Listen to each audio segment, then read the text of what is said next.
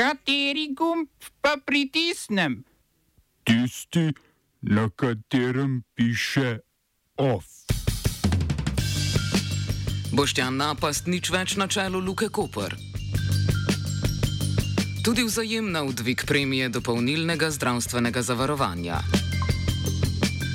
Vlada omaknila predlog novele zakona o zavodih. In ekvadorski predsednik Jermo Laso razpustil parlament. Informativni program začenjamo doma.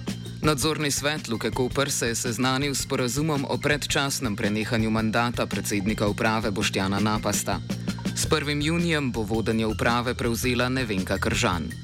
Napast je mandat začel decembra 2021 v času prejšnje vlade Jane Zajanše. V nadzornem svetu so odločili tudi, da bodo z javnim razpisom začeli iskati dva nova člana uprave. Mladen Jovičič, predstavnik delavcev v nadzornem svetu Luke Koper iz sindikata žarjavistov, pojasnjuje, da so bili delavci s predsednikom uprave nezadovoljni že dolgo.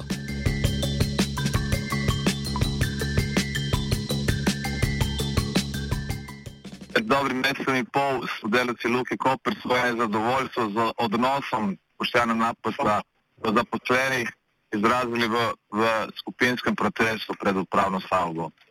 Takrat smo izpostavili uh, ključno problematiko uh, takega vzvišenega in nepravičnega odnosa s sumom na šikaniranje in mobbing.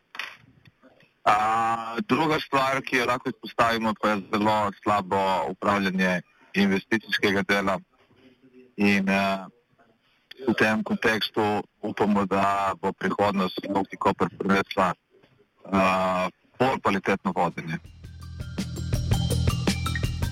Predsednik uprave zavarovalnice Vzajemna Aleš Mikelen je dejal, da bo uprava nadzornemu svetu predlagala dvig premije dopolnilnega zdravstvenega zavarovanja na skoraj 45 evrov.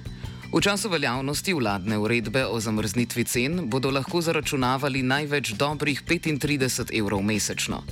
Mikelen je glede uredbe napovedal, da bo vzajemna zaradi zamrznitve premije od države terjala odškodnino. Mikelen trdi, da je dvig premije nujen zaradi višanja stroškov zavarovanja in da zamrznitev premije z uredbo ni skladna s pravom Evropske unije. Pri vzajemni ocenjujejo, da bodo zaradi vladne uredbe letos imeli 33 milijonov evrov izgube. Na upravno sodišče so že vložili tožbo s predlogom za zadržanje uredbe.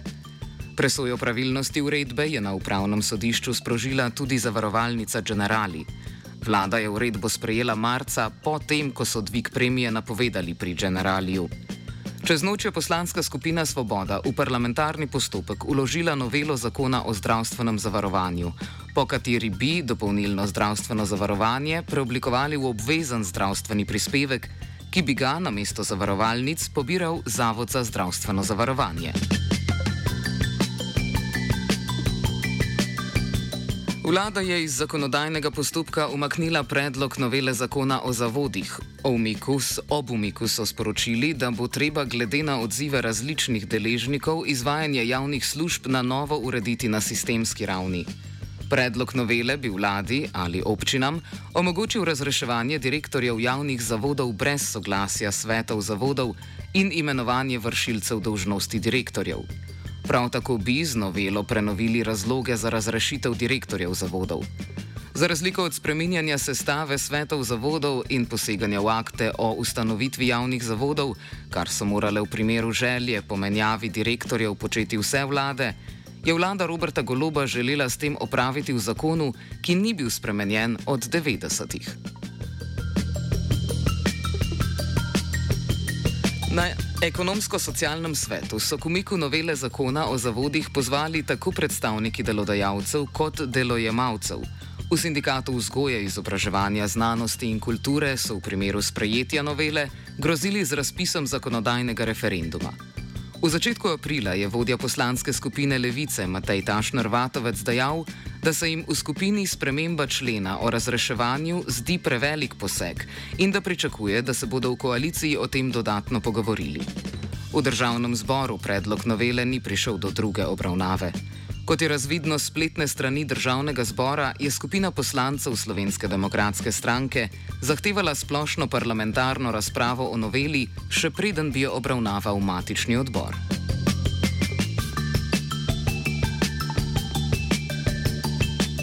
Evropska komisija je odločila, da mačarski MOL lahko prevzame 92 odstotni delež podjetja OMV Slovenija, pod pogojem, da britansko-nizozemskemu šelu proda 39 benzinskih črpalk, o čemer sta se MOL in šel dogovorila marca.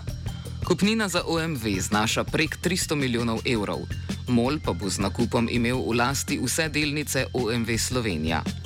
Po ugotovitvah komisije prodaja 39 benzinskih črpalk Shellu odpravlja pomisleke o omejevanju konkurenčnosti na maloprodajnem trgu benzina in dizla fizičnim osebam.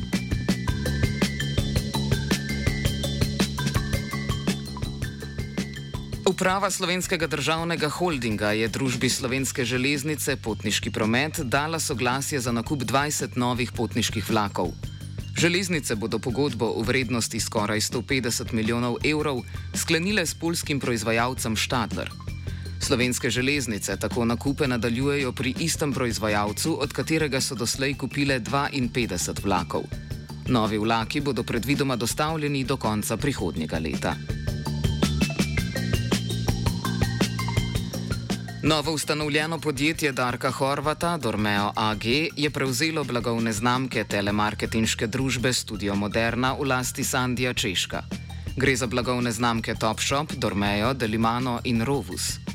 Češko skupaj s partnerico ostaja lastnik Studia Moderna, ki so se mu zaradi nizke prodaje nakopičili visoki dolgovi do dobaviteljev, ki pa so do zdaj, po besedah Češka, že zmanjšani in znašajo okrog 50 milijonov evrov. Za finance je dejstvo, da posel sklepa z večkrat ovadenim tajkunom Darkom Horvatom, češko komentiral z besedami: citiramo. Povejte pa mi, kdo iz prvega vala privatizacije je bil čist? Tak je bil takrat poslovni model. Je pa edini od tajkunov, ki so v svetu kaj naredili, vsi drugi so samo užemali državo. Konec citata. Češko, ki je v začetku lanskega leta prevzel vodenje gospodarske politike stranke socialnih demokratov, je bil s partnerico novembra deseti na lestvici najbogatejših slovencev revije Manager. Darko Horvat je ustanovitelj podjetja Aktiva, ki je propadlo pred slabim desetletjem. Del več deset milijonov njegovih dolgov pa je prevzela država. Po poročanju portala Oštro je del denarja, ki si ga je Aktiva izposodila, poniknil v Luksemburgu. Nadaljujemo z novicama iz tujine. Rusija in Ukrajina sta za 60 dni podaljšali dogovor o izvozu ukrajinskega žita prek Črnega morja. Ukrajina in Turčija, ki posreduje pri pogajanjih, ustrajata, da podaljšanje velja za 120 dni. V Rusiji trdijo, da so to zavajanja. Da bo dogovor podaljšan za 60 dni, je potrdil generalni sekretar Združenih narodov Antonijo Guterres. Rusija podaljšanje dogovora pogoljuje z vidnim napredkom pri implementaciji memoranduma o razumevanju glede ruskega izvoza hrane in gnojil. Memorandum predvideva ponovno sprejetje Ruske agrikulturne banke v sistem medbančne komunikacije SWIFT in konec omejitev dostopa ruskim ladjam in tovoru v pristanišča, ki so jih uvedli na Zahodu. Prav tako dogovor Rusije z Združenimi narodi predvideva ponoven začetek oskrbe Rusije s kmetijskimi stroji, deblokado računov in finančnih dejavnosti ruskim proizvajalcem gnojil, ter ponoven začetek obratovanja cevovoda za amonijak iz ruskega Toljatija v Odeso. V okviru Črnomorskega dogovora je Ukrajina do zdaj izvozila 30 milijonov ton žita, od tega je 625 tisoč ton šlo v Afganistan, Etiopijo, Kenijo, Somalijo in Jemen. Ekvadorski predsednik Guillermo Lasso je, preden bi ga poslanci ustavno obtožili, razpustil parlament. V parlamentu, kjer ima koalicija konzervativnega predsednika manjšino, so se poslanci zbrali okrog resolucije, ki Lasa krivi omogočanja nadaljevanja po njihovem koruptivne pogodbe z državnim podjetjem za transport nafte Flopek. Laso trdi, da je obtožba politična in neresnična. Pred glasovanjem o obtožnici je z odlokom parlament razpustil. Uporabil je ustavno določbo, po kateri lahko zahteva predčasne volitve za parlament in predsedniško funkcijo, če parlament blokira delovanje vlade. Ekvadorsko volilno sodišče mora volitve sklicati do 24. maja, na to pa se morajo zgoditi v roku treh mesecev. Of je pripravil vajenec Matej.